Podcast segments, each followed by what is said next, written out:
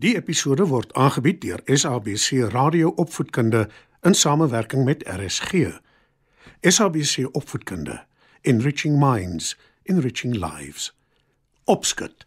Skryf nader en kom luister en leer saam.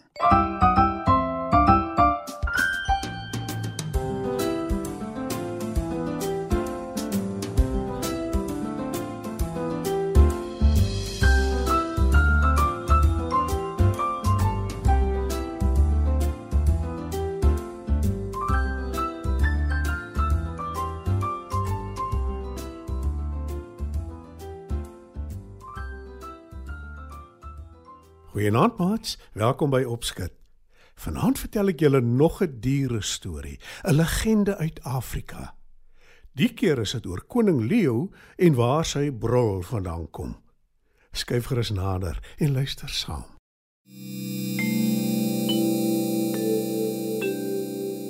Daar was 'n tyd lank, lank gelede toe Leo 'n baie sagte stem gehad het. En al kon hy toe nog nie brul nie, was hy reeds die koning, want soos julle weet, is leeu 'n indrukwekkende dier.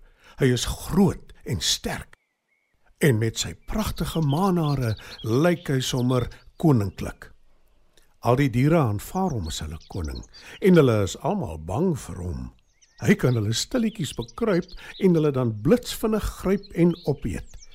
Geen dier hoor hom nader kom nie en hulle lewe die hele tyd in vrees. Hulle wens hy wil net 'n geluid maak, enige geluid wat hulle sal waarsku voordat hy hulle vang sodat hulle kan probeer ontsnap. En Leo het 'n groot eetlus. Hy jag amper elke dag. Toe op 'n dag sit Bobbejaan en Vlakvark en gesels. Dit kan nie so aangaan nie. Sê Bobbejaan en Vlakvark stem saam. Ons moet 'n plan maak en gou ook. Ek dink ons moet 'n vergadering reël en koppe bymekaar sit om te besluit wat ons moet doen voordat leeu ons almal opeet. Bobbejaan en Vlakvark versprei die woord onder die diere dat daar 'n vergadering gaan wees onder die groot krummetartboom. En die middag daag die diere een vir een op. Selfs olifant is daar, al is hy te groot vir leeu om ooit te kan vang.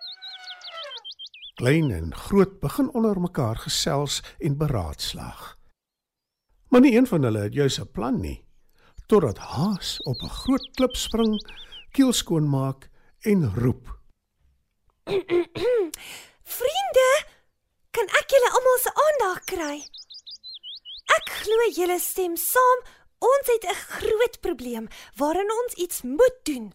Sommer vandag nog. Sê Haas. Dis waar, maar wat? Leeu is die koning.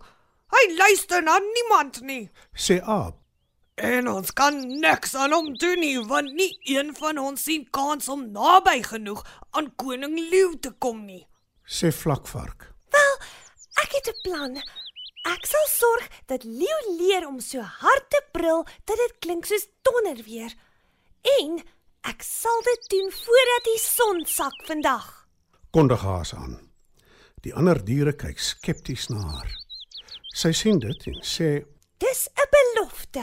"Toe spring Haas van die klip af en sy begin aanstap na waar sy weet leeu bedags lê en rus. Daaraan gekom, sien sy dat hy vasslaap. Sy sluip versigtig nader want Haas weet as sy leeu skielik wakker maak, is dit klaar praat met haar. Haas gaan staan 'n end van leeu af. Toe maak sy keel skoon en sê: Gegroet o groote koning van al die diere. "Leeu word wakker en sien die Haas 'n end van hom af staan." Wie is jy en wat maak jy hier? vra hy kwaai. Leo is vies omdat hy wakker gemaak is, maar hy voel tog ook gevlei dat die haas hom as groote koning aanspreek. Ek is maar net 'n beskeie haas, u majesteit. En ek is hier met goeie nuus. Antwoord haas. Sy is baie bang, maar sy hou haar dapper sodat Leo dit nie agterkom nie. Wat 'n nuus nogal. Wil Leo nuuskierig weet. 'n Nuwe watergat met die allersoetste en koelste water. Antwoord haas. Leo kyk skepties na die haas en sê: Ek ken elke liewe watergat in die omgewing. Ek weet nie wat 'n skelmstreek jy probeer uithaal nie. Maar ek glo jou glad nie. Sê Leo. Hy staan op en beweeg nader na die haas toe. Sy keer en sê: Dis pas ontdek aan die ander kant van die berg. Dis nie 'n skelmstreek nie, my koning. Ek het maar net gedink jy verdien die heel beste. Dis hoekom ek jou kom sê het. Leo is ydel en hy geniet haar vleitaal. Nou goed. Wys my die watergat. Antwoord hy en voeg by: Jy weet natuurlik wat sal gebeur as jy my om die bos probeer lei, né? Een hap en jy is in my maag. Ja, u majesteit, ek weet, maar jy kan my vertrou. Volg my asseblief. sê die haas en begin aanstap. Van die diere wat haas van ver af dophou, wonder wat haar plan is. Maar hulle waag dit nie om nader te gaan of haar en Leo te volg nie.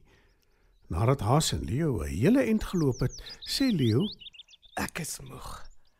Ek moet nou eers rus voordat ons verder gaan. Natuurlik, u groot koning. Dis 'n uitstekende idee. Wat van die doringboom daar aan die kant?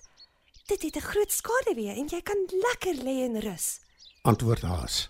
Dit lyk reg. Sorg dat jy vir my wag, want ek is dors ook en ek sien uit na die soet, koel water. Sê Leo en gaan lê onder die doringboom. Dis die kans waarop haas gewag het. Sy wag totdat Leo vasslaap, toe roep sy: Heuningwyser, waar is jy? 'n Heuningwyser is 'n soort voël wat baie lief is vir heuning, maar omdat dit onmoontlik is vir die voël om dit in die hande te kry, lei die heuningwyser iemand na 'n byekorf toe wat vol heuning is. As beloning kry die voël dan ook van die heuning. Roep die klein heuningwyser. Jy het die perfekte rusplek vir leeu gesoek. Daar's 'n groot byekorf hier naby wat drup van die heuning. Hoor jy die bye? sê sy opgewonde. Baie dankie my liewe vriendin. Antwoord haas. Sy haal van die heuning uit die korf en sorg dat sy heuningwyser se deel vir haar gee. Toe draf sy vinnig terug na waar Leo lê en slaap. Sy drup heuning op die slapende leeu se ore, sy neus, sy nek, sy pote en selfs onder sy stert en op sy boude. Toe hardloop sy weg. Die bye wat woedend is omdat hulle heuning gesteel is, vlieg na waar die leeu lê en slaap. Hulle zoom en vlieg rondom die koning van die diere. Leo spring verskrik op.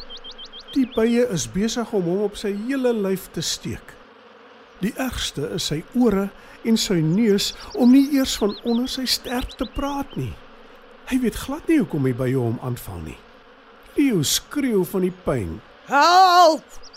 Help! roep hy. En toe skielik begin die koning van die diere brul.